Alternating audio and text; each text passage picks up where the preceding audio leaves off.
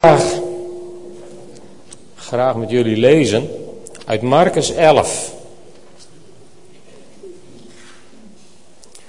De intocht in Jeruzalem. Het is vandaag Palmpasen. Het lijkt wel Galmpasen, maar het is Palmpasen. En uh, in, in de meeste kerken zal vandaag wel gepreekt worden over een van de verhalen over de intocht in Jeruzalem. Ik herinner me nog als kind dat wij in een katholieke omgeving woonden. Waar je op zo'n dag een stok kreeg met zo'n haantje erbovenop en allemaal gedoe eromheen. En dan moest je in optocht moest je het dorpje door. Dat schijnt ook nog te gebeuren hier en daar. Maar in ieder geval, het is vandaag wat we noemen Pasen. Het staat in alle vier de evangeliën beschreven en ik wil met jullie lezen uit het evangelie van Marcus. Marcus 11 vanaf vers 1.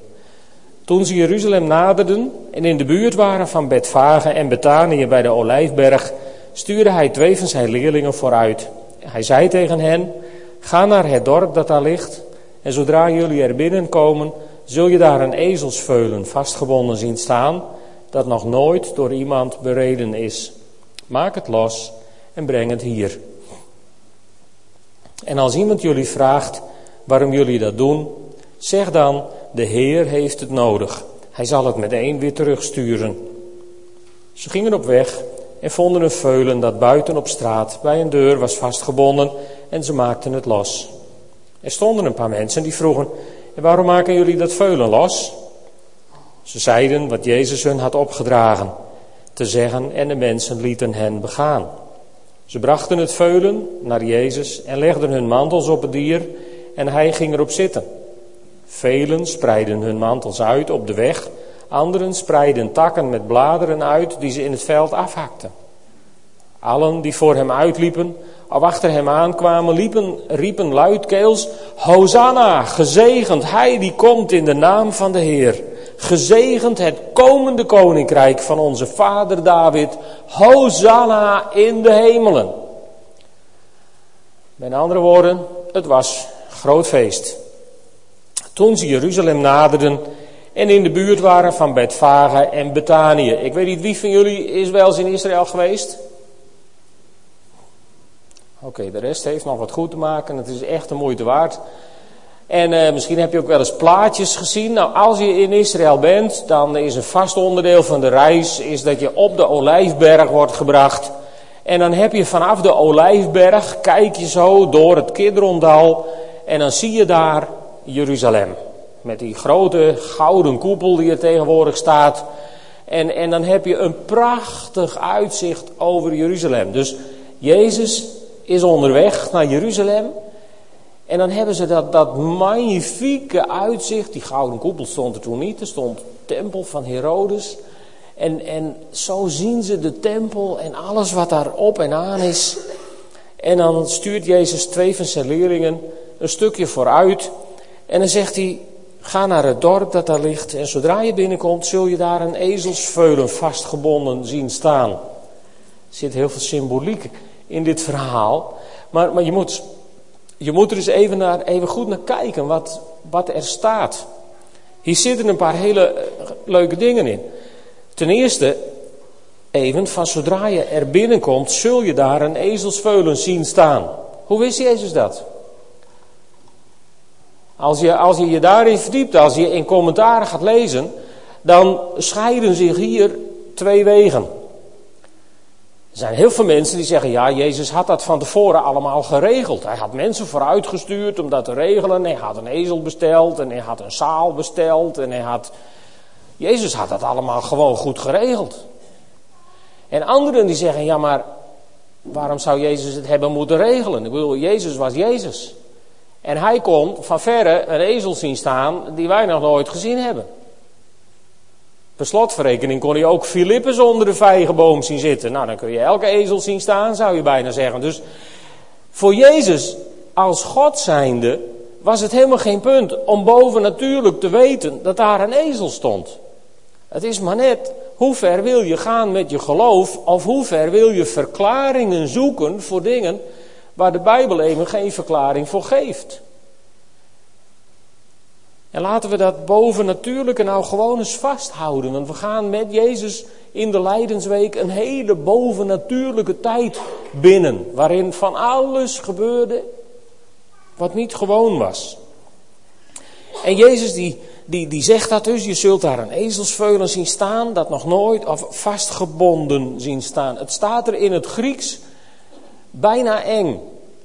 Er staat, je zult het jong van een lasdier zien, gebonden. Jezus zegt als het ware tegen zijn discipelen, je zult daar een gebondene zien staan en maak hem los. Een opdracht die de discipelen voor de rest van hun leven eigenlijk mee moesten nemen als ze discipel waren. Een opdracht die ook wij hebben gekregen. Een opdracht om als je iets of iemand ziet wat gebonden is, dan moet dat losgemaakt worden. Jezus had dat zelf gezegd. Ik ben gekomen om een aantal dingen te doen en onder andere het gebondene los te maken. En dat symbool zien we hier terug en, en dat dier moet losgemaakt worden. En dan is er nog wat bijzonders met dat dier. Want er staat hier dat nog nooit door iemand bereden is. Eigenlijk is het, is, gaat het iets verder in, in de grondtekst. Om te beginnen staat er dat het een ezel is waar nog nooit een mens op had gezeten. Maar het was ook een ezel die nog nooit een juk had gedragen. Dus hij was nog nooit gebruikt als transportmiddel. En die ezels, daar kon je wat opladen. We hebben gisteren gezien wat iemand op een fiets kon laden. hè, Hans? En, en, en, en zo konden ze op een ezel ook nog, ze konden wat kwijt hoor op zo'n ding. Maar deze ezel was nog nooit gebruikt. En, en dat was heel bijzonder dat Jezus niet zomaar een ezel nam, maar een ezel die nog nooit was gebruikt. Wij, wij begrijpen dat niet meer zomaar, omdat natuurlijk, we hebben er niks meer mee. Maar in die tijd was het zo dat een ezel of een rund, wat nog nooit was gebruikt, dat mocht je gebruiken voor religieuze doeleinden. Met andere woorden, als Jezus als hoge priester op reis was naar Jeruzalem, naast de eindbestemming van zijn bediening, dan was er één vervoermiddel waarop hij naar Jeruzalem kon. En dat was op een ezel die nog nooit was gebruikt. Dat was de enige manier om als priester en koning Jeruzalem binnen te komen. Andere manieren waren er niet. Je vindt dit bijvoorbeeld terug in, in 1 Samuel 6. 1 Samuel 6 is het verhaal, de, jullie kennen misschien het verhaal wel, op een gegeven moment dan is er oorlog tussen Israël en de Filistijnen. Wanneer is dat er niet, zou je zeggen. En, en dan besluiten de zonen van de priester Eli van we nemen de ark mee als tovermiddel in de strijd. Nou, en dat mislukt. En de ark die wordt dan veroverd door de Filistijnen. De Filistijnen die brengen hem in hun tempel. En uh, dat is wat lastig voor hun god Dagon, want die gaat dan een paar keer wat raar op zijn gezicht. En uiteindelijk besluiten die Filistijnen om van pure ellende die ark van God maar terug te doen naar Israël. En hoe doen ze hem dan terug? Ze nemen een nieuwe wagen die nog nooit is gebruikt. En ze spannen voor die wagen twee zogende koeien die nog nooit een juk hadden gedragen. Zo vind je wel meer voorbeeldjes in het Oude Testament. Maar dit is het meest aansprekende voorbeeld. Dus om de ark terug te brengen naar Israël worden twee lastdieren gebruikt, twee koeien, die nog nooit zijn gebruikt. Ook de Filistijnen en de volken eromheen kenden dit gebruik. Je gebruikte dieren die nog nooit waren ingezet voor religieuze doeleinden. En zo onderstreept Jezus hier eigenlijk al de reden waarom hij naar Jeruzalem moest. Als priester, als koning, was er geen ander rijdier wat hij had kunnen gebruiken. En zo halen ze deze ezel. En dan, ja, dan zegt Jezus, als iemand jullie vraagt waarom, ja, waarom zou iemand niet vragen waarom? Hè? Ik bedoel, sommige mensen beweren wel eens dat Nederlanders van de Joden afstaan, maar nou, aan het gewaarom in onze cultuur zou je bijna zeggen dat ze gelijk hebben. Want wij kunnen er ook wat van. Hè? Als je tegen iemand zegt, doe dit, dan is de standaard Nederlandse vraag is van waarom? De tweede standaardvraag is dan vaak: wie denk jij wel dat je bent om mij daar opdracht voor te geven? Maar dat waarom dat is, volgens mij is het aangeboren. Als kinderen leren praten is een van de eerste woorden die ze naast papa en mama zeer uitvoerig tot wanhoop van ouders leren. Ze uitspreken. Waarom? Kleinkinderen hebben dat overigens ook. Hè? Ik bedoel, je kunt er af en toe wanhopig van worden. Waarom? Nou ja, daarom zeg je dan op het laatst maar. En dat is geen antwoord, maar op laatst ben je zo wanhopig dat je het ook niet meer weet. Dus, en Jezus heeft dat voorzien. Van, van die komt vast dat waarom eruit. En uh, ja, dan zegt Jezus iets heel wonderlijks. Hij zegt, dan moet je gewoon zeggen, de Heer heeft het nodig. Nou, dat is echt een oplossing.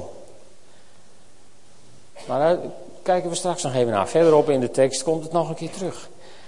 Ik wil even met jullie stilstaan bij wat Jezus hen opdraagt om te zeggen.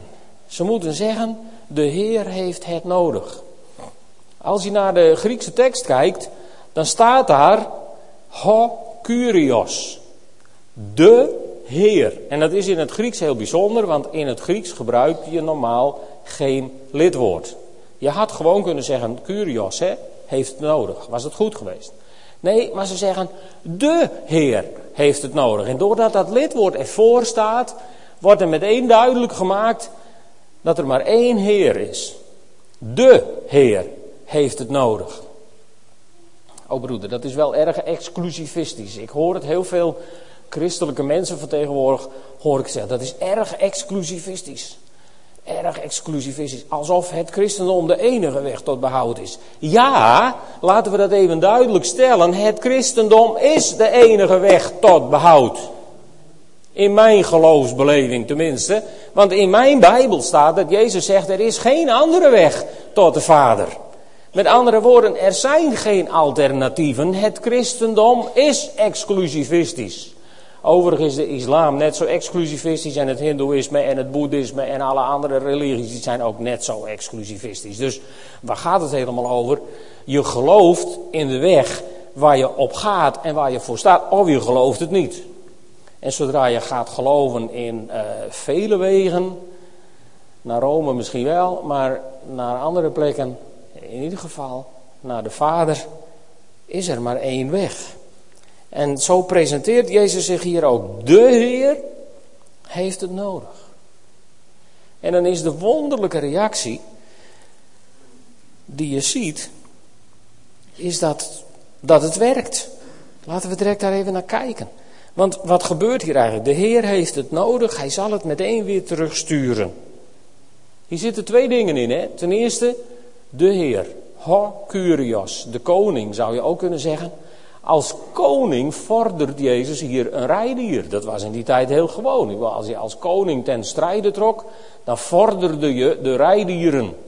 Ik herinner me nog toen ik, uh, toen ik uh, in, in, in het bedrijfsleven werkte, net in het begin van mijn carrière, toen was het nog gewoon, als je als bedrijf bedrijfswagens kocht, dan moesten die bedrijfswagens gekeurd worden. En dan werden die ingeschreven in een register, een vorderingsregister, dat als het oorlog werd, dan konden jouw bedrijfsvoertuigen gevorderd worden voor militaire doeleinden. En dat is nog niet zo lang geleden. Ik ben al bloedjong, dus dat is nog niet zo lang. Dus dat kon toen ook. Als je een ezel had of een paard, dan kon dat gevorderd worden door de koning voor zijn doeleinden. En Jezus vordert hier als het ware gewoon een rijdier. En aan de andere kant zegt hij erbij, zodra ik klaar ben zal ik het weer terugbrengen. Dus het ene is van als koning vordert hij een ezel. De andere kant van de medaille is als, als nederige zoon des mensen. Leent hij, moet hij een ezel lenen om tot zijn doel te komen. En daarmee laat Jezus ook zien van hoe wij in dit leven zouden moeten staan. Alles wat we hebben is slechts geleend. Alles wat we hebben, we hebben het een poosje en dan reizen we af naar een ander oord waar die ene weg heen leidt, naar de Vader. En dan moeten we alles achterlaten wat we hier hebben. Dus alles wat we hebben is geleend. Wat kunnen we ons druk maken over geleend spul? Vinden jullie jou het ook niet? Ja, alles is geleend. Jezus moet ook een dier lenen. En dan, dan gaat het gebeuren zoals Jezus heeft voorspeld. Die discipelen die komen dat dorp in en er staat een ezel. En ze gaan peuteren aan het touw van die ezel. En die mensen die erbij zitten zeggen, hé, hé, hé, hé, wat moet dat? Nou, en dan zeggen ze wat Jezus hun had opgedragen. Ze zeggen, ja, de Heer heeft het nodig. En dan staat er in Marcus, en de mensen lieten hen begaan. Ik dacht van, dat is merkwaardig. Dat is vreemd. Ik bedoel, als ik vanmiddag bij Hans het erf opwandel en ik ga peuteren aan zijn golf om daarmee weg te rijden, denk ik dat Margaretha of Hans naar buiten komt en zegt, hé, hé, wat mut dat? En ik zou zeggen, nou, de kerk heeft het nodig. Dan moet ik nog zien of Hans gewoon zou zeggen, nou, laat me gaan joh, laat me gaan. Ja, ik moet het nog zien. Niet alleen van Hans en Margrethe, van de meeste van ons. Hè? We zijn ook allemaal gehecht aan onze ezel. Die heeft dan tegenwoordig vier wielen en een uh, motor en een verwarmingsketel, heb ik in de visie gelezen. Dus dat doet er allemaal niet zoveel toe. Maar ik moet het nog zien hoe makkelijk wij afstand zouden doen van dat belangrijke element uit de mensenleven, je vervoermiddel. Ja, ik moet het nog zien. En hier staat, ze lieten hen begaan. Dat is eigenlijk heel wonderlijk. Maar eigenlijk, en daar wil ik even op terugkomen, ik vind ook wat Jezus gaf als, als motivatie. De Heer heeft het nodig. Dat vind ik zo wonderlijk. We hebben daar op een Bijbelstudieavond een hele tijd bij stilgestaan. Maar goed, daar komen niet zoveel mensen. Dus ik wil daar toch eens met jullie over hebben. Als er staat, de Heer heeft het nodig. Wat betekent dat dan? In wezen, wij, wij zeggen erg gemakkelijk, Jezus is Heer. Als ik zeg, zullen we gaan staan en zullen we proclameren, Jezus is Heer, doet iedereen braaf mee. Maar weet je wel wat het betekent? Dat Jezus Heer is. Want volgens mij is Jezus is Heer voor de meesten van ons gewoon een, ja, een brave christelijke uitspraak geworden. Het is een geestelijk, geestelijk riedeltje. En je zegt het makkelijk hoor, Jezus is Heer. Het vloept je zomaar over de lippen. En toch zegt de Bijbel van niemand kan zeggen Jezus is Heer dan door de Heilige Geest. En dan gaat het niet over het geestelijk aangeleerde regeltje Jezus is Heer. Dan gaat het om het zeggen Jezus is Heer in het begrip van wat het betekent. Want wij lezen er makkelijk overheen in onze taal, omdat het onze cultuur niet meer is. Maar als de mensen in die tijd moesten zeggen: Jezus Curios, Jezus is de Curios, dan begrepen zij beter wat ze zeiden dan als wij zeggen: Jezus is Heer. Want wat was een Curios in die tijd? Nou, ik, ik, weet niet wat jullie weten van de vroegere middeleeuwen en zo. Maar in die tijd hè, had je lijfeigenen. Zegt dat jullie nog wat? Lijfeigenen. Dat betekende dat zelfs je lijf je eigen niet was. Maar dat was van je Heer. En als de Heer dacht van nou, jou mag ik niet. Dan ging je kop eraf of je werd opgehangen. Of je werd, nou ja, in ieder geval. Daar werd je mening niet naar gevraagd. Een lijfeigene die, die had in ieder, geval, in ieder geval één woord wat hij nooit zou gebruiken. En dat was dat woordje waarom. Want dat was dodelijk. Het enige wat een lijfeigene of een doelos in die tijd, hè, is ook zo'n woord, vinden we zo'n mooi woord, hè. Ja, prachtig, wij zijn een doelos. Nou, vergeet het maar. Als je een doelos zou zijn van de curios, dan zou je nooit meer vragen waarom. Dan zou je blind gehoorzamen wat de Curios je opdroeg. Dat is wat de mensen zeiden in die tijd als ze zeiden Jezus Curios, Jezus is Heer.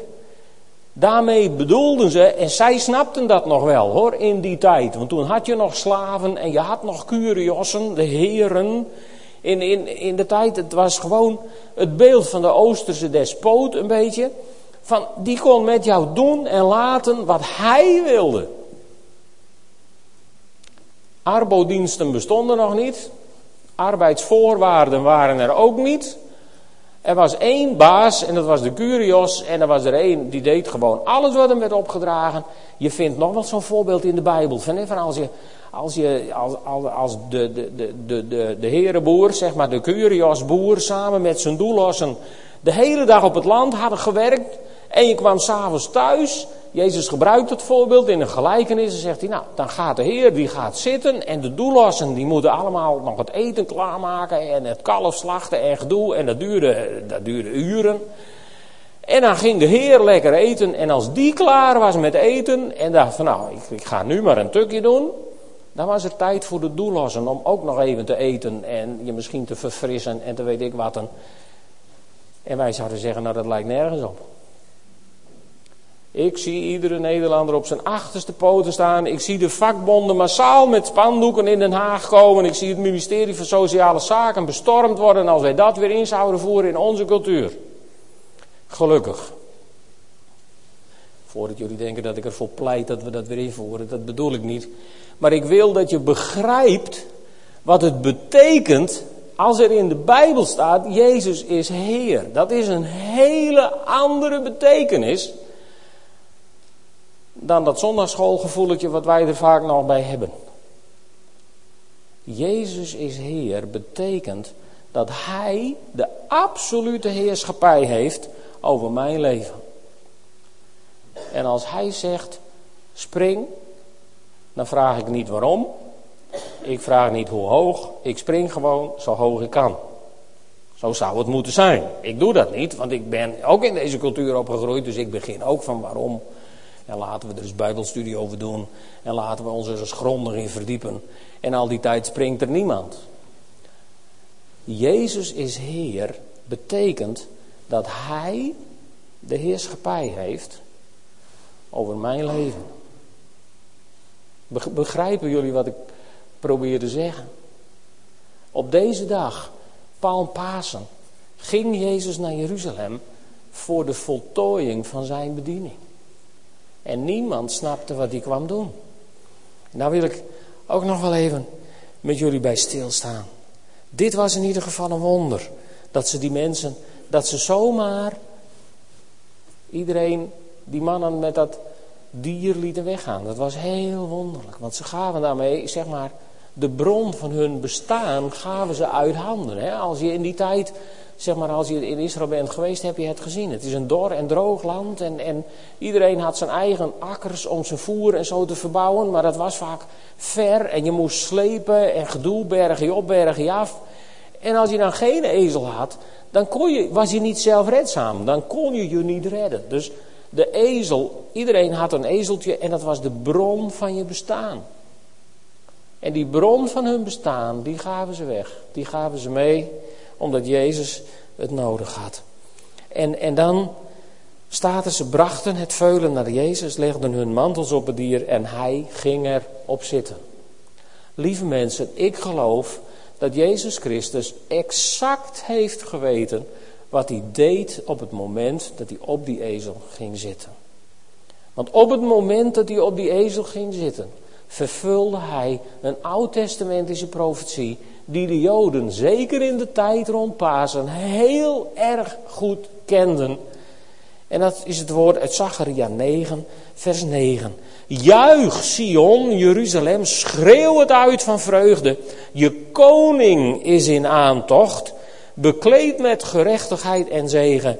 Nederig komt hij aanrijden op een ezel, op een hengstveulen het jong van een ezelin. Matthäus verwijst er ook naar. Heel mooi, heel subtiel, op dat vervuld zou worden hetgeen geschreven staat. Het doet Matthäus zo vaak. Maar Jezus, dus toen Jezus op die ezel stapte, wist hij precies wat hij deed. Hij wist ook precies wat de consequenties zouden zijn. Hij wist dat de theologen in Jeruzalem die dit zagen gebeuren op hun achterste poten zouden staan. En boos zouden worden en denken, wat meent hij wel? Want Jezus vervulde hier willens en wetens heel bewust die profetie uit Zacharia. Hij kwam als koning. En de mensen die zagen het helemaal zitten, weet je. Die, die, die baanden de weg voor hem. Plaveiden de weg met hun kleren en met, hun, met, met takken en bladeren. En ze maakten er een soort rode loper van, zouden wij zeggen. Waar Jezus met zijn ezel overheen kon naar Jeruzalem. En ze riepen allemaal, Hosanna, gezegend hij die komt in de naam van de Heer. En in Lucas staat dat ze, ze vertelden elkaar de grote dingen die Jezus in hun leven had gedaan. Dus het stond stijf van de getuigenis. Het was één grote, iedereen heeft iets dienst op weg naar Jeruzalem. En, en iedereen was blij en iedereen ging helemaal uit zijn dak. En, en behalve, de, behalve de leiders. Want die kenden die profetie uit Zacharia 9 vers 9 heel goed. En die zagen hier Jezus als het ware non-verbaal proclameren van hé, hey, ik ben het. En daarom riepen ze tegen de mensen, of ze zeiden tegen Jezus, zeg dat die mensen hun mond houden. En dan zegt Jezus die prachtige woorden van jongens, als zij zouden zwijgen, zouden de stenen het uitschreeuwen. En, en, de leiders wisten het niet meer. De theologen die waren helemaal van het hinder. Omdat Jezus op een ezel zat. En zo gebeurde het. En, en van de week dacht ik erover na. Waarom waren die mensen nou zo enthousiast? Waarom riepen ze allemaal Hosanna? Hosanna, wat betekent Hosanna? Och Heere, geef toch heil. En wat was heil? Nou, heil was niks geestelijks. Heil was gewoon dat je het beter had dan dat je het had. En, en heil betekende voor de Joden, om te beginnen de Romeinen eruit. Om te tweede, wij weer een koning uit het geslacht van David. En baas in eigen huis. Daar ging het eigenlijk om. En, en ja, waarom waren ze nou zo enthousiast? Hè? Ik heb me afgevraagd, herkenden ze nou echt de Messias in Jezus? Nou, ik denk het niet. Niet de Messias waarvan wij weten hoe die zou komen. En wat zij uit profetieën van Jesaja bijvoorbeeld ook hadden kunnen weten. Dat hebben ze niet herkend. Ik denk dat ze, dat ze een, een fout maakten die wij mensen ook heel gemakkelijk maken. Ook wij hebben vaak de neiging om Jezus voor ons karretje te spannen. Waardoor ik de curios word en hij het paard voor de wagen. Maar dat is de bedoeling niet.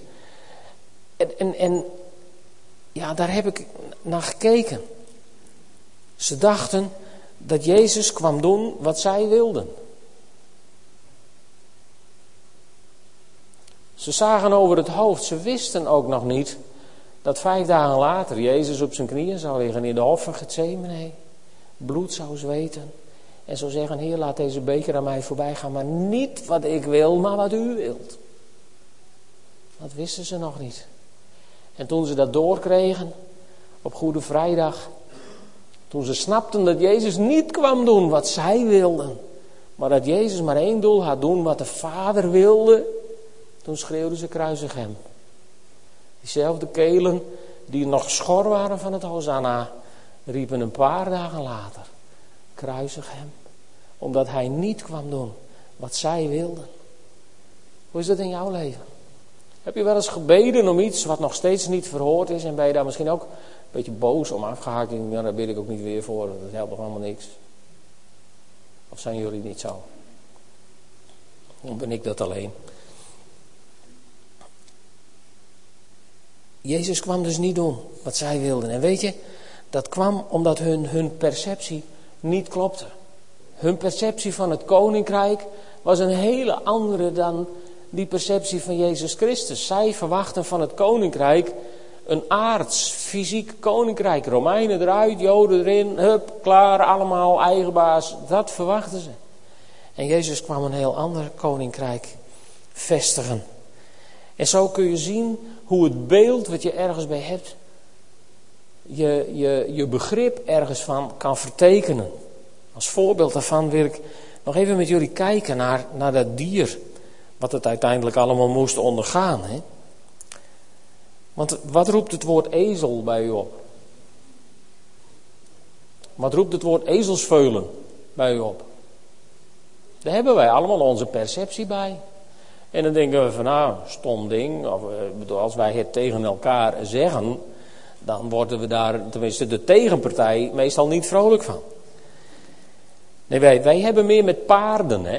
Zoals het Fries kinder nou, we hebben meer mee met een ezel. Ik bedoel, wie doet er nou een ezel voor de sjees? Dat zou ook geen gezicht zijn, dat weet ik ook wel. Maar wij, wij zijn meer op paarden gericht, maar God keek daar heel anders tegenaan.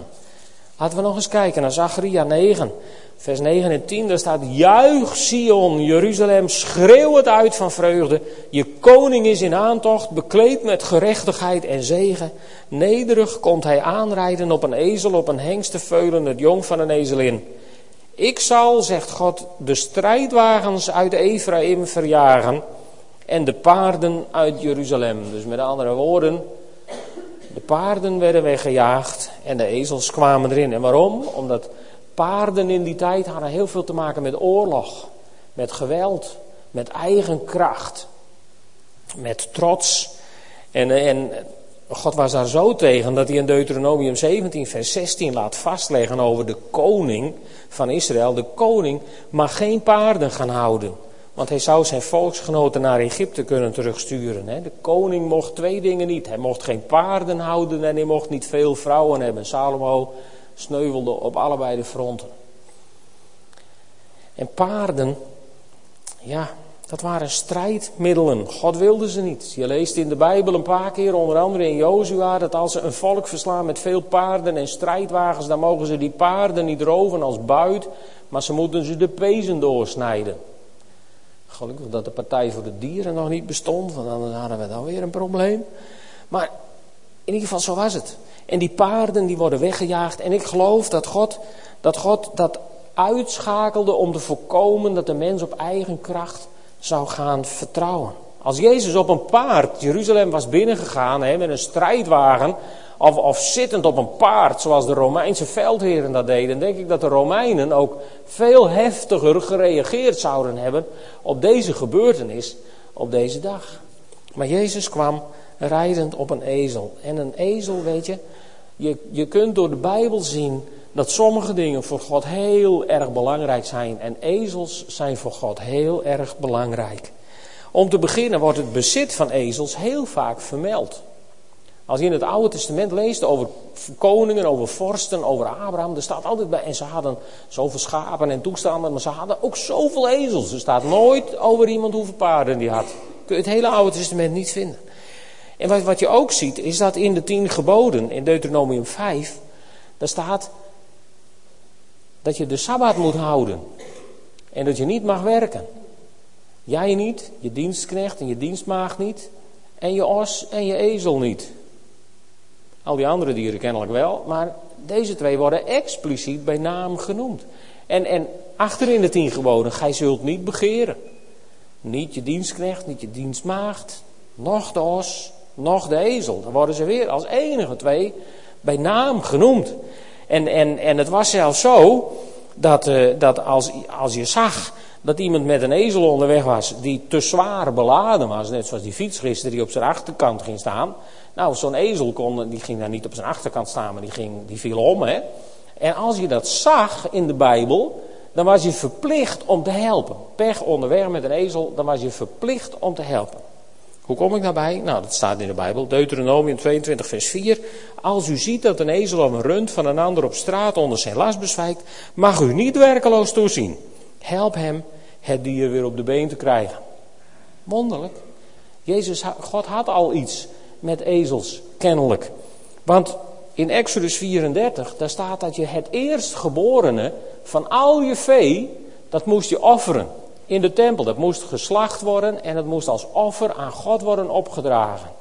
Behalve zonen en ezels. Niet verwarren, maar kennelijk was er een gemeenschap. Zonen en ezels, die moest je loskopen met een vervangend offer. Alle andere dieren niet. Wonderlijk, hè? Wonderlijk. God had er wat mee. En God, God houdt ook Israël op een gegeven moment een ezel voor als voorbeeld. In Jesaja 1 vers 3 zegt God, een rund herkent zijn meester, een ezel kent zijn voederbak, maar Israël mist elk inzicht, mijn volk leeft in onwetendheid. Weet je, veel mensen geloven tegenwoordig in een God en het is nu direct bijna weer Pasen. Dan gaan er heel veel mensen die gaan hun jaarlijkse kerkgang maken, omdat dat gewoon traditie is. En, en ik geloof heel veel mensen die, die begrijpen niets van toewijding en hebben geen enkel inzicht in een persoonlijke relatie met Jezus. En ik wil je vanmorgen, zo een week voor Pasen, toch nog eens vragen. Hoe zit dat met u? Hoe is het met jouw begrip van een persoonlijke toewijding aan de Heer Jezus? Hoe is het met jouw gehoorzaamheid aan het gebod uit het woord van God, bijvoorbeeld om je te laten dopen? 26 april, we hebben drie dopelingen inmiddels. En, en hoe zit het met jou? En, en hoe trouw ben je in, in, in het lezen van het woord van God? Hè? Die ezel, die kende de krib van zijn meester. Ken jij ook de krib van je meester, waar je dagelijks moet komen eten? Begrijpen we dat? Kennen we dat nog? Het is maar de vraag, hè, soms. Het sluipt er zo makkelijk uit. En dan, een ezel beleefde ook heel veel avonturen. Moet je even met me meegaan. En geen ingezonde stukken in de visie gaan schrijven even. Maar een ezel bracht Jezus als ongeboren kind naar Jeruzalem. Denk ik. Het staat nergens in de Bijbel. Behalve op alle plaatjes die je in de zonderschool zag en in elke film over Jezus. En, en je kunt je niet voorstellen dat Jozef, de hoogzwangere Maria, lopend van Nazareth naar Bethlehem ging gaan. Maar het was toch wel een heel eind. Dus het is goed om aan te nemen dat Maria op een ezel naar Bethlehem kwam. Het was een ezel die Jezus bracht op de plek waar hij geboren moest worden. En, en je zou bijna kunnen zeggen, er was een ezel bij toen Jezus geboren werd. In elk kerststalletje staan ze, de os en de ezel. Wij schelden mensen wel eens uit voor os of ezel. Maar kennelijk vond God hen belangrijk genoeg om bij de geboorte van de Zoon van God aanwezig te zijn. Misschien is het ook wel gewoon traditie. Maar is een mooie traditie in ieder geval. En ik denk dat er ook een ezel voor nodig was om Jezus te redden toen hij net geboren was. Want toen moest Jozef vluchten met Maria en het kind moest hij uh, naar Egypte. Nou, als ik dat bij mijn kinderen zie, wat een heizaad is om met een baby op reis met maxicosies en aankleedkussens en kinderwagens. Nou, dat heeft Jozef niet lopend gedaan hoor, helemaal naar Egypte. Die heeft vast Maria met de baby op de ezel gezet. En hij lopend ernaast. Is trouwens een leuke als het gaat over de gezagsverhoudingen in een huwelijk. Hè? Hij lopend ernaast. De leider lopend ernaast wel een aardige om eens over na te denken. En tenslotte bracht een ezel Jezus naar Jeruzalem. Om aan, het, aan, de, aan de vervulling van zijn bediening te komen. Niet op een strijdwagen, niet op een paard, maar nederig rijdend op een ezeltje. Om de absolute onderste weg te gaan die een mens zich maar kan voorstellen. Jezus ging naar Jeruzalem om absoluut de onderste weg te gaan. Voor jou en voor mij. En het waren ezeltjes die hem telkens op zijn plek brachten. En als je daar dan over nadenkt, dan denk ik, hoe vaak heb jij een ezel willen zijn om Jezus daar te brengen waar hij moest zijn? Ik weet niet hoeveel mensen er eh, donderdag of zaterdag mee zijn geweest te evangeliseren bijvoorbeeld. Hè? Dan ben je ook zo'n ezel die loopt te evangeliseren. Om Jezus bij mensen te brengen, daar waar hij wil zijn. Misschien heb je mensen in je omgeving die de Heer Jezus niet kennen. En die in zo'n week vol Pasen toch, toch dat gesprek er weer eens opbrengen. Hè? Wil je dan zo'n ezel zijn die mensen wil uitleggen waarom jij Pasen viert? Zo kun je soms een ezel zijn gevraagd worden om een ezel te zijn. En volgens mij is het een voorrecht om een ezel te zijn die Jezus naar zijn bestemming draagt in een mensenleven. Vandaag is het Palmpasen.